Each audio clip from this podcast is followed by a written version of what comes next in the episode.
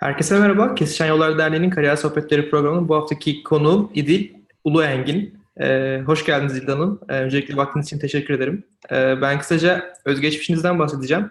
Ondan sonra e, izleyicilerden gelen soru cevaplara başlayabiliriz. Ee, İdil Ulu Engin Stanford Üniversitesi'nde biyoloji bölümünde doktora sorusu araştırmacı olarak çalışmaktadır. Ulu Engin araştırmalarında hücre kültürü, moleküler kopyalama, moleküler genetik ve protein arıtma gibi konularda uzmanlaşmıştır.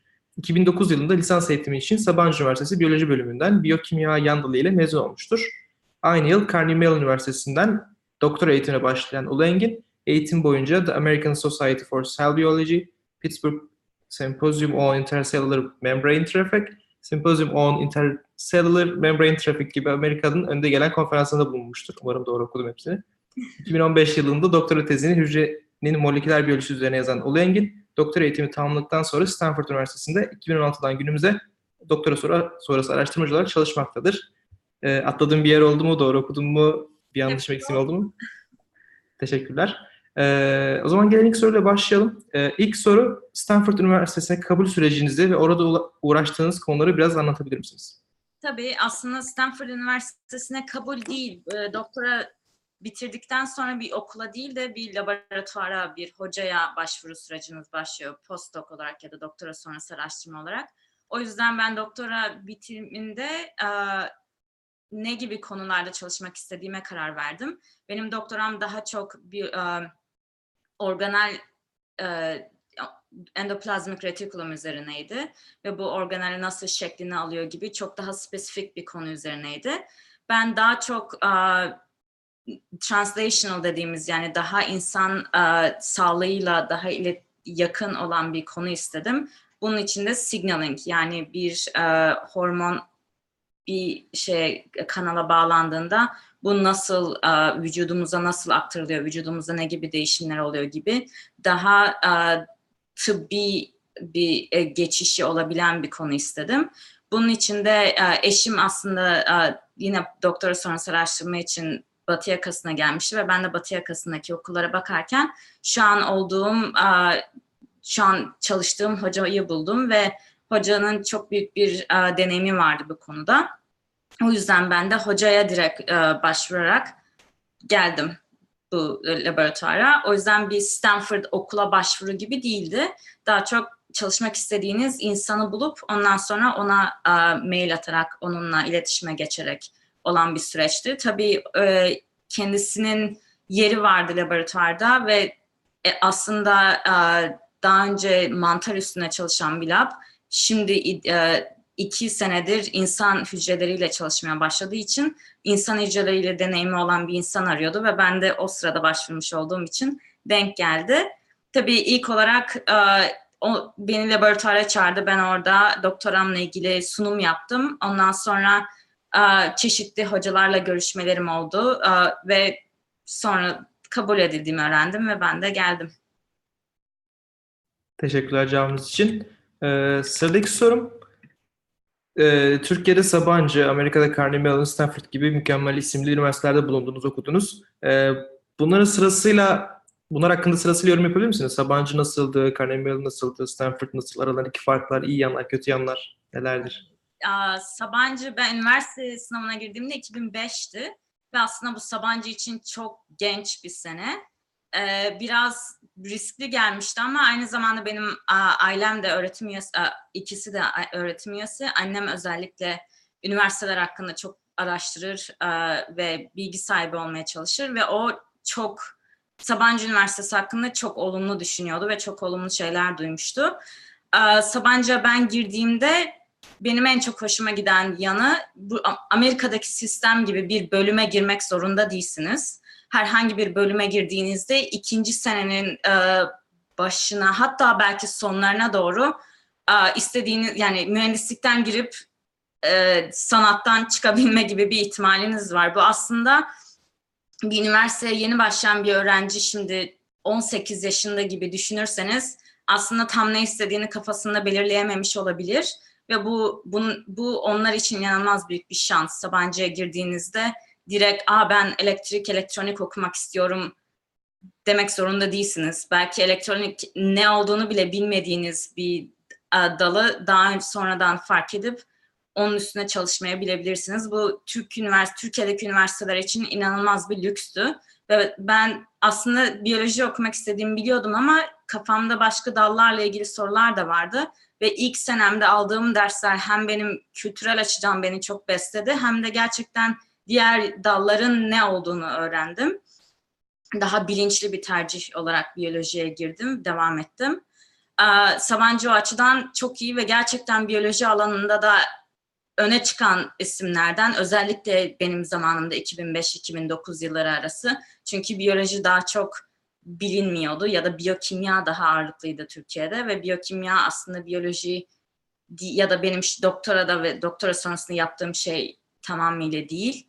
O yüzden Sabancı'dan mezun olduğuma ben çok memnunum. Özellikle de Saban 3. senesinde Sabancı özel mezunlarının da yardımıyla sizi e, staj yapmaya yönlendiriyor ve bu staj aslında benim e, Amerika kapımı açtı diyebilirim. Çünkü ilk doktoraya girdiğimde bana sorulan sorulardan bazıları e, stajımı Almanya'da yapmıştım. O Almanya'da ne üstüne çalıştığımdı ve gerçekten insanlar, konuştuğum insanlar Almanya'da staj yapmış olmama çok büyük memnuniyetle karşılamışlardı. O zaman o stajı yaparken ben fark etmemiştim ama gerçekten bütün deney, çok büyük bir deneyim kazandırdı bu staj ve bunun için yine e, Sabancı'ya müteşekkirim diyebilirim. Carnegie Mellon aslında Carnegie Mellon'ın e, üniversite olarak elektronik, elektrik elektronik bilgisayar bölümlerinde çok büyük olduğunu biliyordum. Ve biyolojide çok e, iyi olduğunu bilmiyordum. O da yine Sabancı'da e, bir ders, aldığım bir dersin asistanı olan Nazlı Turan e, Carnegie Mellon'a gitmişti doktora için ve onu görünce ben biyoloji bölümlerine bakmaya karar verdim ve gerçekten çok geniş bir repertuarı vardı hocalar içinde, bölümün içinde bulunduğun e, hocalar ben de Carnegie Mellon'a yazmaya karar verdim ve e, aslında beş tane okula başvurdum doktora için ve Carnegie Mellon kabul olduğum üniversitelerden biriydi ve hiç arkama bakmadan geldim.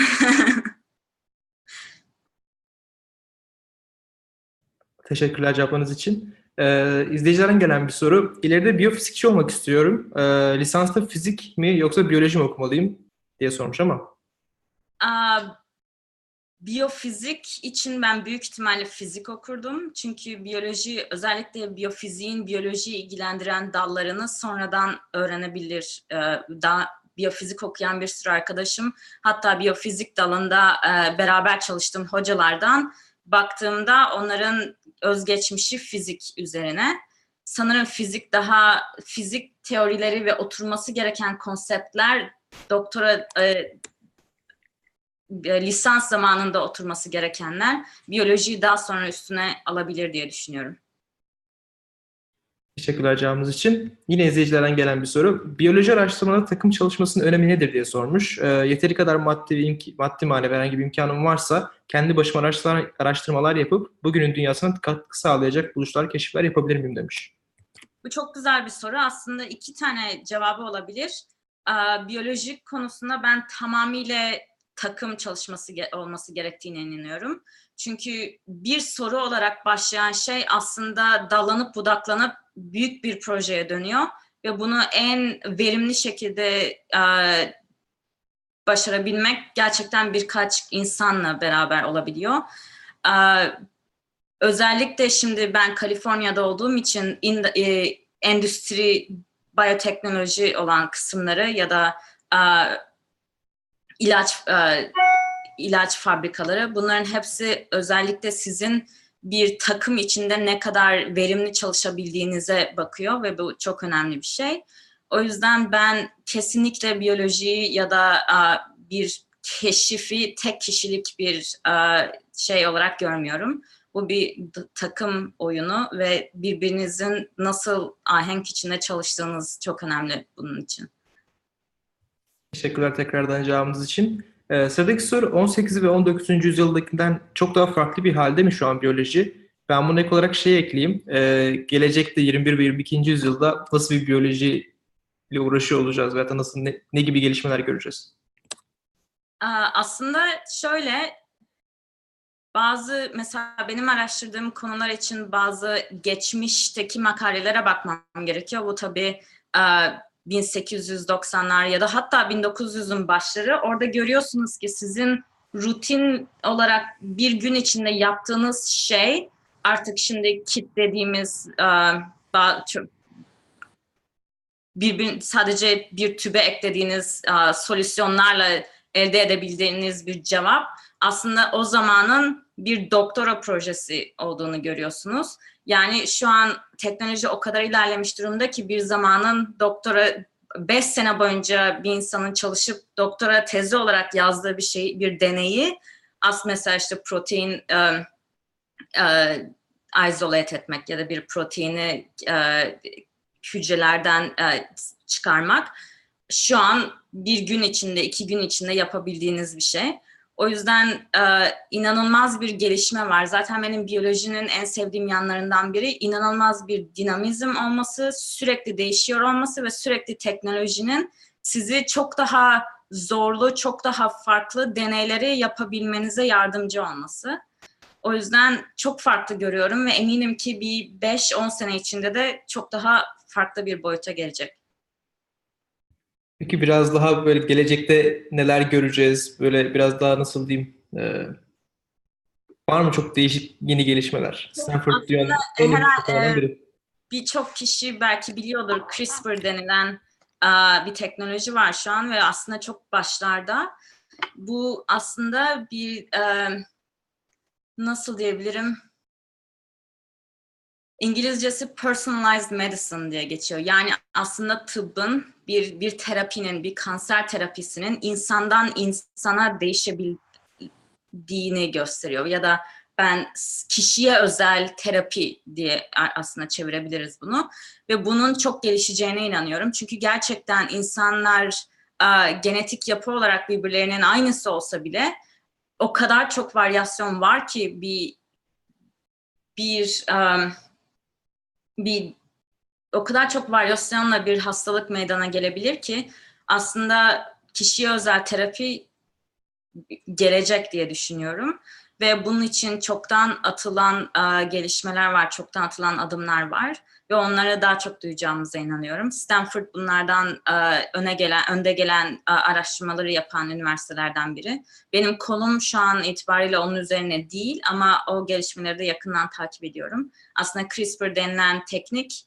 bir insanın ya da şu an insan üstüne çalışılmıyor ama bir DNA'yı e, istediğiniz gibi modifiye etme üzerine olan bir şey ve bunu şu anda laboratuvarlarda biz kullanıyoruz. Ama bu ileride e, izin de verildiği, verildikten sonra insanlar üzerine yapılabilirse bazı hastalıkları önleyebiliriz daha meydana gelmeden. Bu inanılmaz bir şey. Yani bir bilim kurgu filminde olabilecek bir bir şey aslında. O yüzden onu bekliyorum ben de ileride.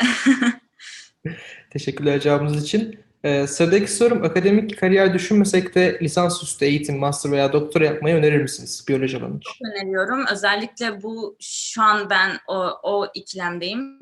Üçüncü seneme giriyorum doktora sonrası araştırmada. Ve acaba endüstriye mi girsem yoksa a, akademik kariyer mi yap- yapsam diye. O kadar e, o kadar e, competitive, o kadar insanlar e, o kadar çok insan var ki aslında aynı şeyi yapan bizimle ve inanılmaz inanılmaz tecrübeler var şey bir dok bir e, iş için başvurduğunuzda gerçekten ne kadar e, vasıf aradıklarını görüyorsunuz ve bunun için doktora özel endüstri de olsa bile bunun için doktora kesinlikle zaten şart. Artık doktora sonrası araştırma da kesinlikle şart olarak bakılıyor. E, şu anda doktorasız yapabileceğiniz şeyler çok e, sınırlı. O yüzden mutlaka elinizde bir doktora mı yoksa akademi mi diye düşünebilmenizi sağlayacak bir doktora ve hatta doktora sonrası araştırması gerekiyor. Teşekkürler tekrardan cevaplarınız için. Ee, özgeçmişinizde aşağıda yazılı olan şeyle ilgili bir şey sormuşlar. Moleküler kopyalama ilgili. Moleküler kopyalama nedir? Bu insan kopyalama veyahut da bu tarz bir şey mi yoksa farklı bir şey mi diye. Aslında moleküler kopla- kopyalama biz dediğimiz bizim eee, çok rutin olarak kullandığımız bir şey. Eee, özellikle bir proteini çalışıyorsak, o proteinin bazı özellikleri olduğunu biliyorsak, o proteinlerin özellik, o proteinin özelliğini çalışmak için DNA'sına inebilirsiniz ve o DNA'da bazı değişiklikler yapabilirsiniz. İşte mutasyonlar yapabilirsiniz ve o mutasyonların o protein üstüne etkisini çalışabilirsiniz. Aslında moleküler klonlama en e, basit bir şekilde o çalıştığınız proteinin DNA'sının mutasyona uğratıp etkilerini çalışmak olarak söyleyebilirim. Bu tabii ki insan kopyalama gibi şeyler tabii ki olabilir ama şu an yapılan bir şey değil. Ama özellikle moleküler kopyalama sanırım şu an insan üzerine değil de embriyo üzerine yapılmaya, yani bir sonraki adım embriyo üstüne olabilir. Bu da kız mı olsun erkek mi olsundan ziyade bazı bildiğiniz taşıdığınız riskler varsa riskli genler onu değiştirmek üzerine yapılabilir. Bu yine CRISPR dediğimiz şeyle yap, yapılacak ileride diye düşünüyorum. Teşekkürler tekrardan. Ee, yine izleyicilerden gelen bir soru. Direkt okuyayım ben. Ekstra bir şey eklerim yine. Ee, Black Mirror izliyor musunuz? Oradaki teknoloji örneklerinin hayata geçebileceğini düşünüyor musunuz? Robot arılar gibi. Ben de şey ekleyebilirim. Eskiden izlediğiniz bir çizgi film vardı. Bir hap küçülüp insan vücuduna giriyorlardı nanoteknoloji. Sonra o spesifik bir yere gidip orayı iyileştiriyorlardı sadece. Bu tarz şeyleri de gelecekte görecek miyiz? Var mı üzerine herhangi bir çalışma? Çok komik çünkü eşim bir haftadır inanılmaz bir şekilde Black Mirror izliyor. Ben çok izlemiyorum ama olabilir. Bunların hepsi olabilir. Özellikle nanoteknoloji şu anda tabii ki asıl amaç insan sağlığı. Asıl nanoteknolojide e, benim bildiğim kadarıyla büyük çalışmalar e, bir bir ilacı nasıl en efektif bir şekilde nasıl en yan etkisiz ve en hızlı bir şekilde insan bünyesine nasıl geçirebiliriz, nasıl daha hedefe uygun geçirebiliriz üzerine olan çalışmalar var nanoteknolojide. Ama yani o, o bence hepsi mümkün. Çünkü bakarsanız 20 sene önce mümkün olması, olması imkansız gibi görülen, hatta insanların DNA'sının sequence'ının çözülmüş olması bile 20 sene önce birine sorsanız imkansız diyebilirdi ama artık imkansız diye bir şey yok. Özellikle şimdi teknoloji o kadar hızlı ilerliyor ki kim bilir 10 sene içinde neler yapabiliyor olacağız. Teşekkürler. Sıradaki soru az önce bahsettiğimiz CRISPR teknolojisine halk hazır mı? CRISPR gibi genetik ilerledikçe etik tartışmalarında boyutu büyüyor. Bu konuda neler söyleyebilirsiniz? Şimdi halk hazır mı? Aslında komik bir soru. Çünkü aslında bu gibi teknoloji, her teknolojide olduğu gibi bu kimin eline geçtiği ya da kim bunu kötüye kullandığıyla ilgili bir şey. Aslında bakarsanız bu CRISPR dediğimiz teknoloji demin de anlatmaya çalıştığım gibi çok insan sağlığı için çok iyiye kullanılırsa inanılmaz faydaları olabilecek bir şey. Bu hem e, kişiye özel terapi olsun hem bazı riskli faktörleri olan insanların bebeklerinde o faktörün çıkmaması için yapılabilecek şeyler. Tabii bu boyutuna boyutuna göre bazı kötü yerlere de yol açabilir. Mesela işte çok büyük bazı insan bu, bu teknolojiyi kullanarak kız ya da erkek hangisini ayırt etmeniz olabilir ya da otizm ya da Down sendrom gibi o şeylerde riskli faktörlerde onları ortadan yok etmeye yönelik olan şeyler olabilir. Ya da um, bazı bazı uh, genetik faktörleri ortaya çıkarıp bazılarını söndürme gibi daha hani insan sağlığı için çok önemli olmayıp da uh, daha aksesori gibi diyebileceğimiz yani üstüne kendinizin eklediği bir şey olabilir. Ve bu özellikle şu anda çok pahalı bir sistem olduğu için daha maddi imkanı buna yeten insanların kullanabileceği gibi bir şey düşünebilir. Düşünürseniz o zaman maddi imkanları yüksek ve olmayan insanlar arasında çok büyük bir e, boşluk yaratacak ve bu aslında iyi olmayabilir. O yüzden halk şu an hazır mı bilmiyorum ama bunun öyle bir umarım ileride bu bir aşı gibi daha herkes tarafından kullanılabilen bir teknoloji olup böyle farklılıklara yol açmadan bütün insanların herkese yardımcı olabilecek bir teknoloji olur. Teşekkürler tekrardan. Ee, sıradaki soru ben duymamıştım daha önce ama astrobiyoloji ile biyoloji arasında nasıl bir ilişki vardır? Astrobiyoloji neymiş diye baktım ben o sırada Wikipedia'dan. Ee, şey diyor, e, disiplin arası bir bilim olup e, evrende yaşamın ortaya çıkması, daha çok e, evrende biyolojik kökenin, evrimin, dağılımı ve canlıların geleceğinin incelenmesidir diye geçmiş. Dürüst olmak gerekirse ben de astrobiyolojiyi duymadım daha önce. Ben de duymamıştım. Geçiyorum o Ama zaman. evet okuyacağım üstüne. İlginç. Tamamdır. Bir sonraki soru. Doktoraya kabul alma süreci nasıl gerçekleşti? Carnegie Mellon ya da muadili okulları kabul almak isteyen arkadaşlara öneri- önerileriniz nelerdir? Doktora em, benim yaptığım üniversite sonunda hangi üniversitelere başvurmak istediğimi bulup e, özellikle bir çok böyle hayal olabilecek mesela Harvard, MIT gibi yüksek üniversitelerden bir tane daha çok tamam bu benim bana daha çok uygun dediğiniz üniversitelerden ya da orta gruptan 5-6 tane ve aslında kesin gözüyle baktığınız hani bu üniversite beni alır herhalde diye düşündüğünüz üniversitelerden de 5-6 yere başvurmanız e, gerekiyor diye düşünüyorum. Ben başvururken aslında biraz özellikle Amerika için geç kalmıştım. Ben Ocak ayında hatta Aralık ayında başvurmaya başlamıştım ve Ocak ayında başvuruları olan üniversiteler aslında çok daralmıştı. O yüzden ben 5 tane üniversiteye başvurmuştum. Kanada üniversiteleri dahil.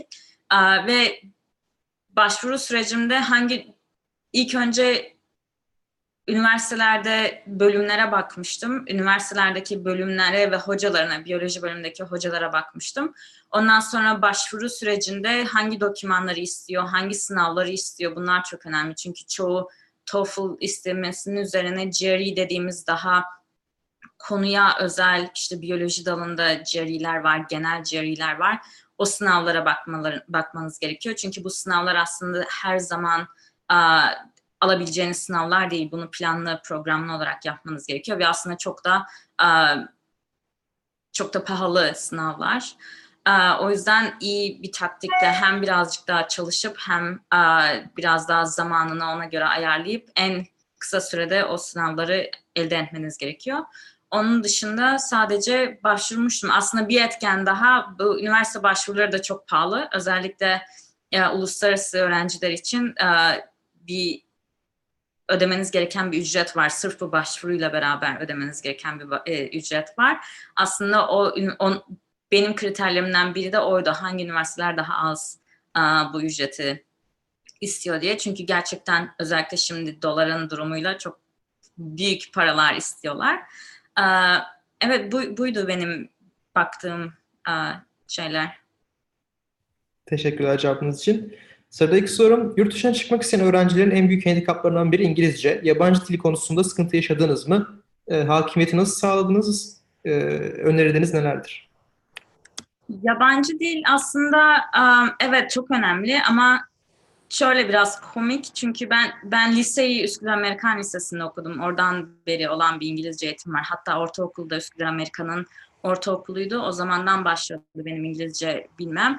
Ama buraya geldiğinizde fark ediyorsunuz ki aslında özellikle biyoloji alanında benim sınıfım 21 kişiydik ve belki 4 kişi Amerikalıydı.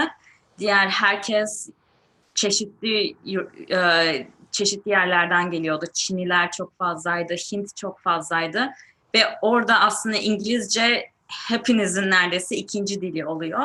Ve bu o yüzden gözünüzü korkutmasın sizin düşündüğünüz İngilizce seviyesi çok önemli değil.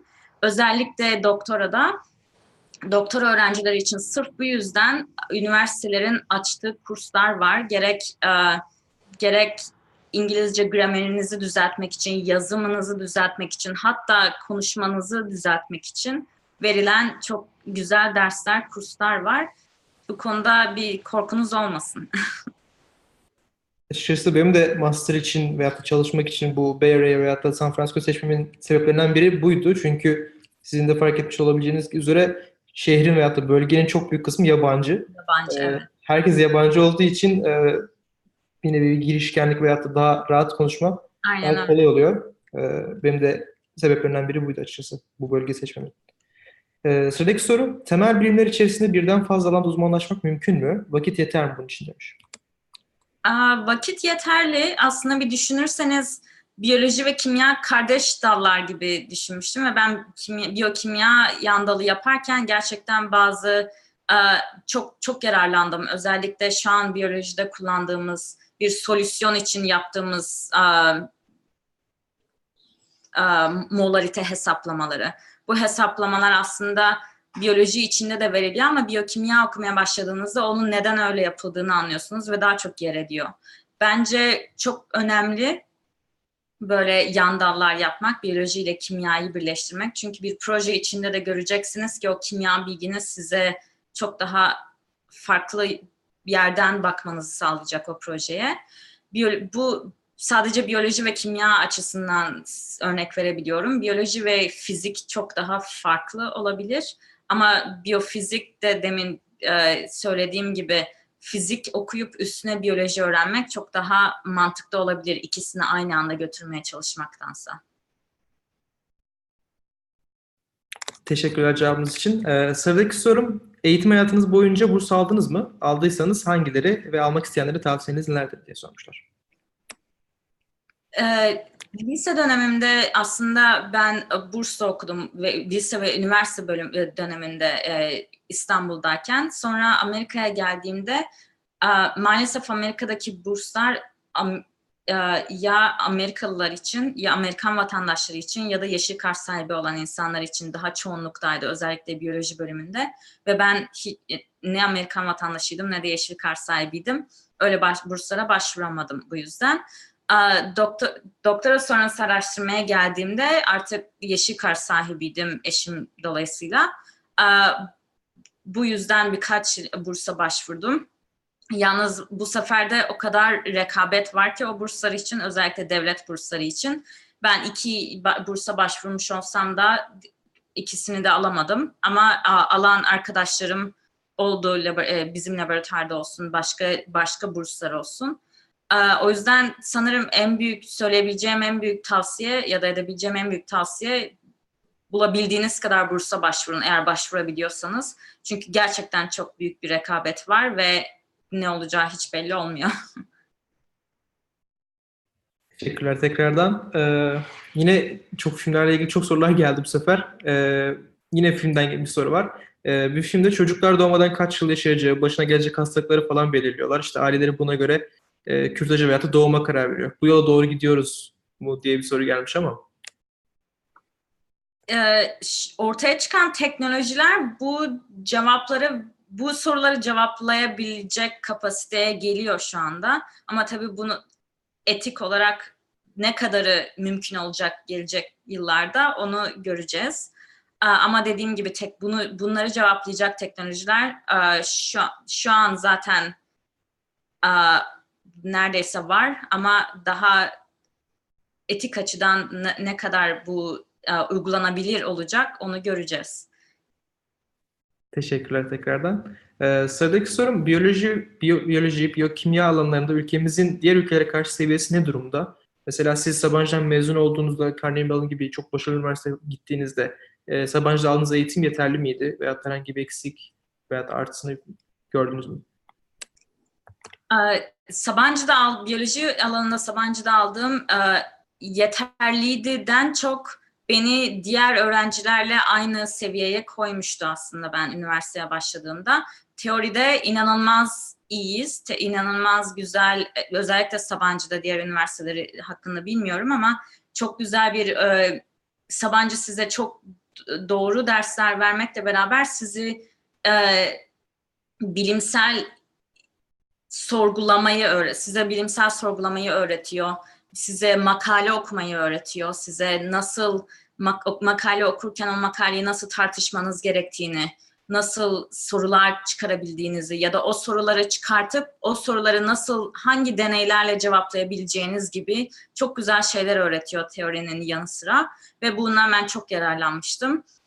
E, fakat biyoloji alanında şu an çok güzel projeler olmasına rağmen para çok büyük bir konu. Çünkü bizim biyoloji deney yapmanız için gereken a, materyalleri laboratuvar ısmarlamanızdan elinize geçen süre çok uzun bir süre. burada mesela ısmarladığımızda bir gün iki gün içinde elinize gelen enzimler ya da diğer solüsyonlar bir ayı bulabiliyor Türkiye'de ve bu gerçekten bir projeyi sonlandıran bir faktör. O yüzden şu an eğer İstanbul'da ya da eğer Türkiye'de gerektiği kadar çok um, rekabete girebilecek sonuçlar yoksa ya da projeler yoksa bunun en büyük nedenlerinden biri uh, istediğiniz materyallerin elinize hızlı sürede geçememesi ve sizin o hızda deney yapamamanız. Onun dışında ben Türkiye'de her şeyin olduğuna inanıyorum. Teşekkürler tekrardan. Sıradaki sorum akademik kariyer size eskisine oranla nasıl bir farklılık kattı? Düşüncelerinizde ne gibi değişikliklere yol açtı? Sanırım akademik kariyer aslında endüstri tecrübem olmadığı için çok da bilemiyorum ama akademik kariyer beni daha çok sorgulamaya itti. Daha mesela bir makale okuduğumda o makalenin bulduğu sonuçlara eskiden hemen inanırdım. Çünkü sonuçta bu makale yazılmış ve basılmış bir makale. Ama doktoradan sonra, hat, doktora sonrası araştırma döneminde aslında daha çok nasıl e,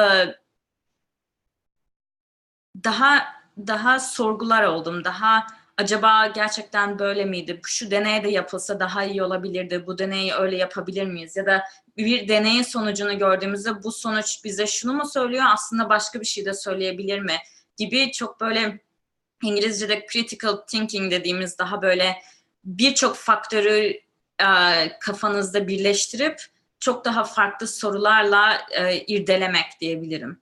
Bu akademis akademik kariyerde daha daha özgürsünüz bence. Akademik kariyerde daha okuyup bir sürü bir sürü şey okuyup bir sürü farklı faktörü düşünebilirsiniz ve bu sizi daha çok sorgulamaya ve daha çok araştırmaya itiyor.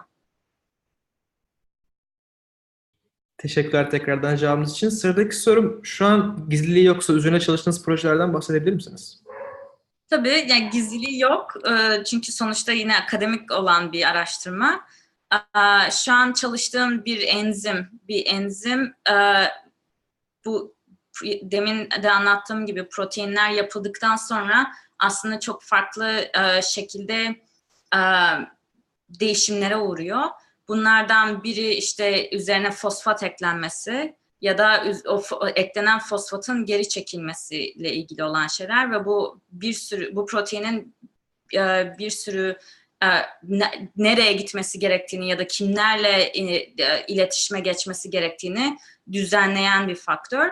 Ben de o fosfatın alın, alan enzimlerin üstüne çalışıyorum. Bu enzimin üstüne çalışmamın nedeni de aslında herkesin bilgi organ nakilleri sırasında e, organ nakli olan insanların e, bağışıklık sistemi baskılanır ve bu çünkü organı e, organı kabul etmesi için kendi bağışıklık sistemi baskılanır ve bu baskılamayı yapan da ilaçlar vardır.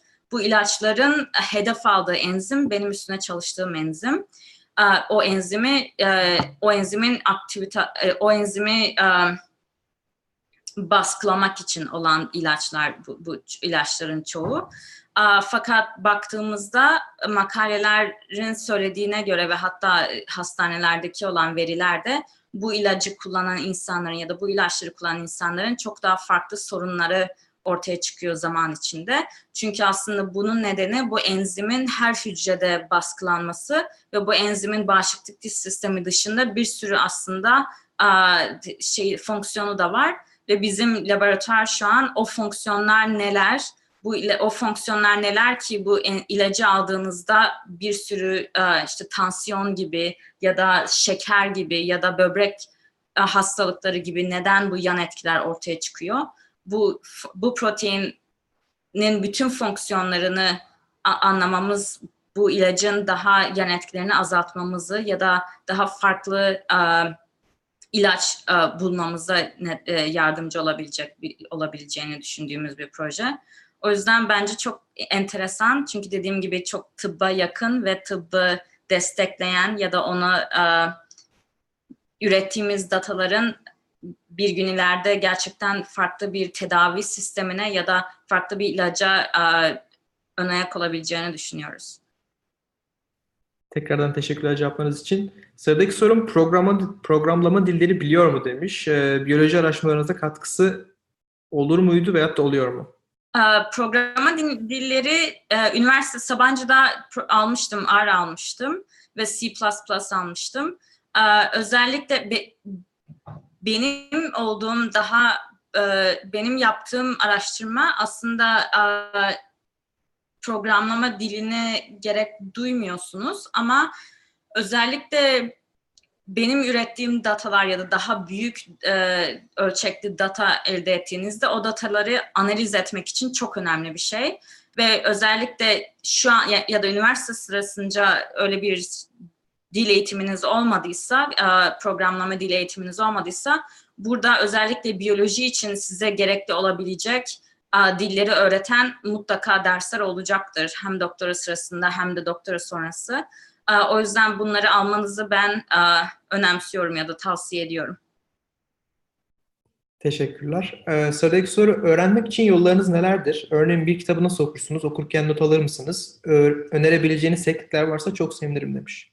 Tabii ben çok yazarak çalışan bir insanım.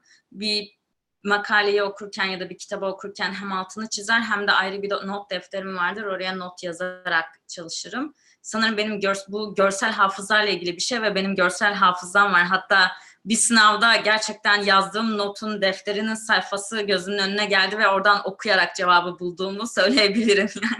Ama bazıları daha da duy- duyarak hatırlar ve bunun için mesela eşim onlardan biridir. O yapacağı bir okuduğu bir şeyi daha e, şeye kaydederek, sesini kaydederek çalışır. O zaman o çalışmak için o kendi sesini e, dinler. Ama evet dediğim gibi ben yazarak çalışırım. Sürekli altını çizerim ve bir kitabı birkaç kere okurum. Çünkü bir okuduğumda anlarım ama biz, ondan sonraki okuduklarımda daha detaylara inebilme şansım olur ve bunları hep yazarım, not alırım.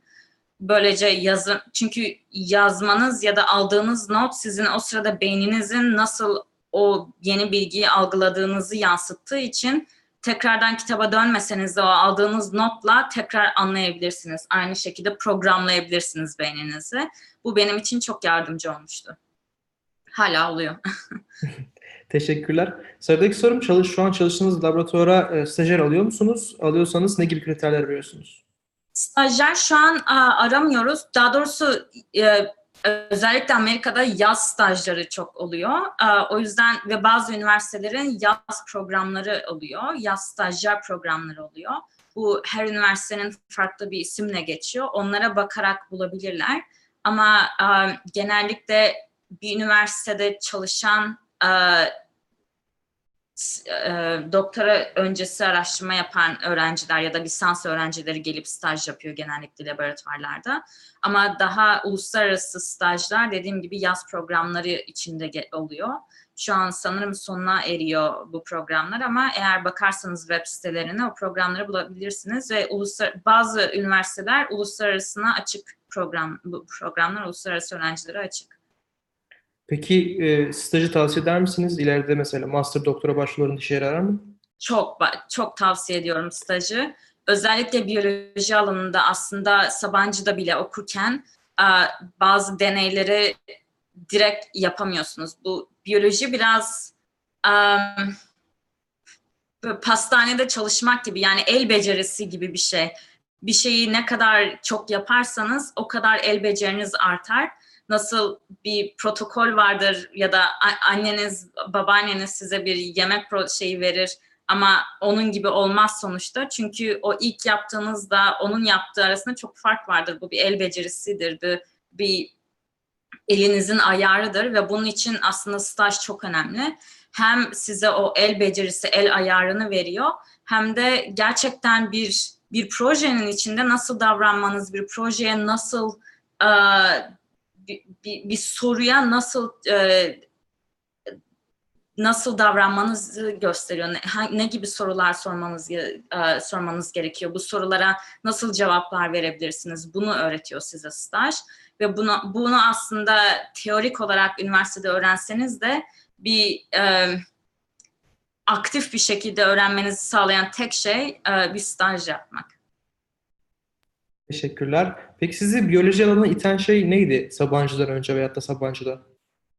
Beni biyoloji alanına iten şey bilinmezliğiydi aslında. O kadar çok şey bilmiyoruz ki kendimizle ilgili, kendi vücudumuzla ilgili, başımıza gelen ya da a, tanıdıklarımızın, akrabalarımızın başına gelen mesela bir bir diyabet hastası neden diyabet olmuş? Bu, bu bunu bilmek bence çok önemliydi ve biyolojide aslında yaptığınız bir şeyin şu an insan için bir yararı olmasa da aslında bilinçaltında biliyorsunuz ki siz laboratuvarda yaptığınız her deney bir gün biri tarafından kullanılabilir. Bu olumsuz bir sonuç bile olsa bir şey denediniz ve sonuç olumsuz çıktı. Bir sonraki öğrencinin sizin olumsuz sonucunuza bakıp aa tamam bu deney çıkmamış o zaman ben başka bir deney üstüne çalışayım deyip aslında araştırmayı itelemesi çok çok önemli bir şey. Yani gerçekten yaptığınız bir şey işe yarıyor ve biri tarafından kullanılıyor bu, bu ileride ve bu ta, bir insan yani kendi içinizde olan bir şeyi çözmek bir puzzle gibi bir onun, onun hakkında bilgi sahibi olmak ve aslında o kadar eğlenceli bir şey ki hem puzzle'ı puz, ortada bir puzzle var ama o puzzle'ı nasıl çözeceğinize dair her şeyi siz geliştiriyorsunuz ve sonra o puzzle'ı çözmeye çalışıyorsunuz ve sonunda ortaya çıkan bir cevap var ve o cevabı da siz anlamaya çalışıyorsunuz. Aslında bence çok çok güzel bir şey ve bunun dışında sürekli gelişen bir şey ve sürekli aslında sonu olmayan bir şey. O yüzden ben ben eğleniyorum yani. Gerçekten anlatırken de çok hevesli ve yani mutlu olarak anlatıyorsunuz. ee, bir sonraki sorum geri dön geri dönseydim farklı yapardım dediğiniz bir şey oldu mu? Üniversite tercihlerinde veyahut da alan seçimlerinde veya ülke seçimlerinde, okul seçimlerinde. Aslında olmadı. Çünkü üniversite seçimlerinde gerçekten çok memnundum Sabancı'ya geçtiğimde. O, o dönem aslında belki de tıp okumam gerekiyor diye düşünmüştüm. Çünkü çok meraklıydım yine insan hastalıklara, yine insan vücuduna. Ama aslında bir tıp doktorunun da size verdiği e, ilaçları gerçekten nasıl çalıştığını biyoloji okuyanlar e, buluyor. O yüzden tıp eğer bir mutfağın önündeyse bunun işin mutfağı bi, biyoloji ve moleküler biyoloji ve bu gibi dallarda olan insanların çalıştığı bir yer. O açıdan okuduğum şeyden çok memnunum. Tıp okumadığıma da pişman değilim. Üniversite üniversite olarak Sabancı'yı seçmekten çok memnunum ve Sabancı sonrasında stajımı Avrupa'da yapmaktan çok memnunum. Çünkü o dönemde belki ben çok İstanbul'a bağlı bir insan olduğum için çok yurt dışına açılmak istememiştim. O yüzden Avrupa daha yakın ve daha e, olabilir gelmişti. Avrupa'daki e, hayatı görmek çok güzeldi ve bundan sonra Amerika'yı seçmek de benim için gerçekten çok güzel bir tecrübeydi. E, geri dönüp değiştirmek istediğim ne var? Bence bir şey yok herhalde. Tamamdır. Teşekkürler o zaman. Ee, bir sonraki soru. Bilim insanları fikirlerinin ürüne dönüşmesine katkıda bulunabiliyorlar mı? Yoksa bizden bu kadar mı diyorlar? Veya ürüne dönüştürülürken bir fikrin bilim insanının yardımına izin veriliyor mu? Sormuş? Demin bahsettiğim mutfağın önü ve arkası olan şey aslında bir fikrin ürüne dönüşmesine önüme ön, ürüne dönüşmesi için birçok yol var. Bunların başında o fikrin gerçekten çalışabilir mi, çalışamaz mı olduğunu anlatan, daha moleküler olarak onu inceleyen, o mesela bir ilacın gerçekten istediğimiz etkiyi yapabilecek mi gibi soruları cevaplayan biyoloji bilim insanları ve ondan sonra o fikrin tabii ki o ilacın üretilmesi var. Bunu sağlayan başka bir grup insan var ve ondan sonra onun piyasaya sürülmesi ya da insan üstüne araştırmaları gibi düşünürsek bu çok kompartmanları olan çok farklı bir bir çok uzun bir süreç ama bu uzun süreç emin olun ki bilim insanlarına dayanıyor ve zaten şu an bakarsanız bilim insanları birçok bu ilaç firmaları olsun, biyoteknoloji firmaları olsun herkes basic bilim dediğimiz yani bizim gibi laboratuvarda çalışan insanları işe alıyor. Çünkü o insanların ürettiği dataya ihtiyaçları var.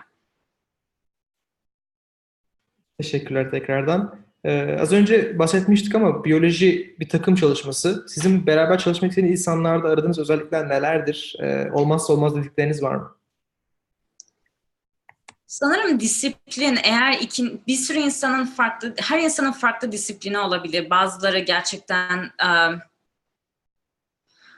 belirli bir, genelde ben özellikle hep yazarak çalışıyorum dediğim gibi bir deneyi mesela e, yaratırken de yazarak çalışırım. Mesela onların kontrolleri vardır, yapılması gerekenler vardır. Bunları hep yazarak çalışırım. Sanırım karşı taraftan da görebileceğim, görmek istediğim şey hani onun bir sonraki şeyini beraber bir kere kesinlikle beraber e, konuşabileceğimiz aynı noktada olmasak da birbirimizi bir, birbirimizi tamamlayabileceğimiz insanlar olması lazım.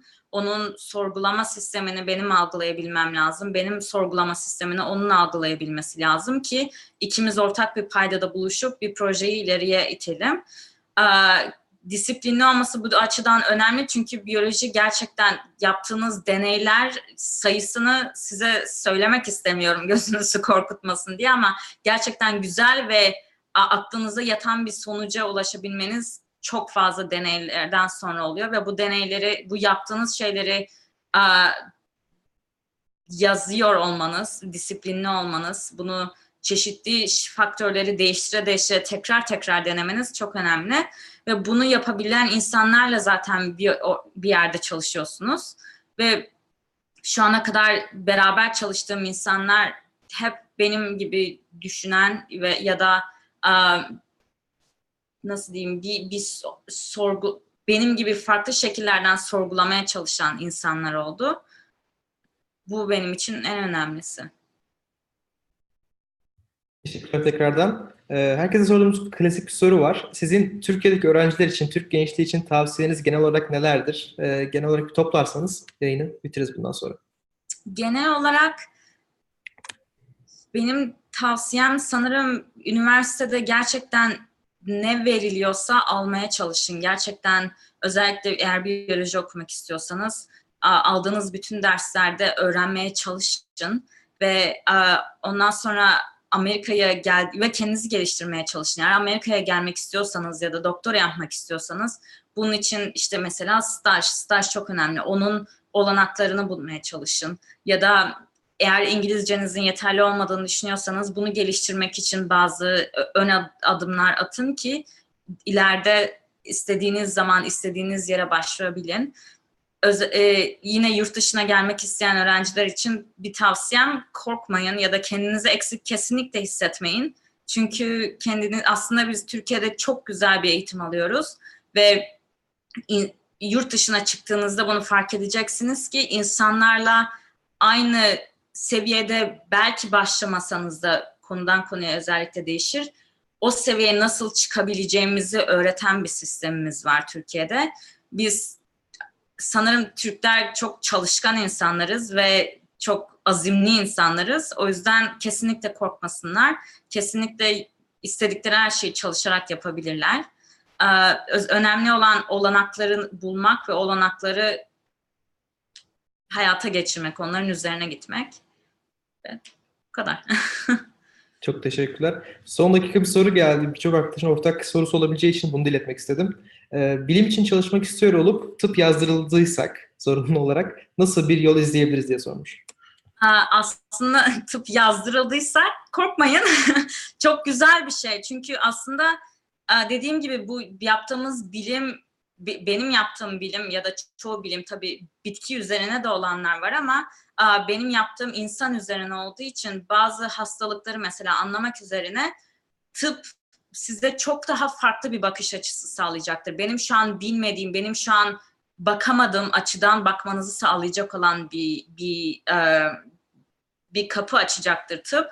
Kesinlikle ben tıp okumanızı ne, e, olumsuz bir şey olarak görmüyorum bu açıda bir bilim insanı olarak. O kadar çok öğre, e, hoca görüyorum ki burada tıp geçmişi var ve sonradan doktora yapmış, oradan araştırma al, araştırma nasıl yapılıyor onu öğrenmiş ve ikisini sentezleyerek çok çok güzel gelişmelere e, sebep olmuş insanlar var. O yüzden ben kesinlikle tıp okumanızı bilim insanı olmak isteseniz bile e, olumsuz olarak görmüyorum. İkisini çok güzel yararlanabileceğiniz şeyler öğreneceksiniz tıptan. Gerçekten bir e, doktor olmasanız da ya da bilim insanı olsanız da sonra kesinlikle e, yazdırılmış olsanız bile okuyun. Sonra doktora da araştırma yapabilirsiniz ve üstüne katarak gerçekten bir bilim insanı olabilirsiniz ve hatta bilim insanından çok daha bir tık önde olacaksınız. Çünkü işin iç yüzünü, fizyolojisini daha iyi biliyor olacaksınız. Çok teşekkürler vaktinizi ayırdığınız için. Ee, Benim için çok keyifli ve bilgilendirici bir sohbet oldu. Umarım sizin için Ben de teşekkür geçmiştir. ederim. Benim için de öyle. Ee, Ben çok kısaca bir sonraki haftaki yayından bahsedeyim. Haftaya Daron Yöntem e, ile bir yayınımız var. Kendisi e, Microsoft Regional Director Türkiye'de. Ee, da- Microsoft ve benzeri konularda CTO'luk tarzı konularda sorularınız varsa o yayında takip edebilir, izleyebilirsiniz. Tekrardan teşekkürler. Ee, Türkiye'dekilere iyi akşamlar. Size iyi günler burada olduğunuz için. Teşekkür ederim. İyi akşamlar. İyi akşamlar arkadaşlar. Görüşmek üzere.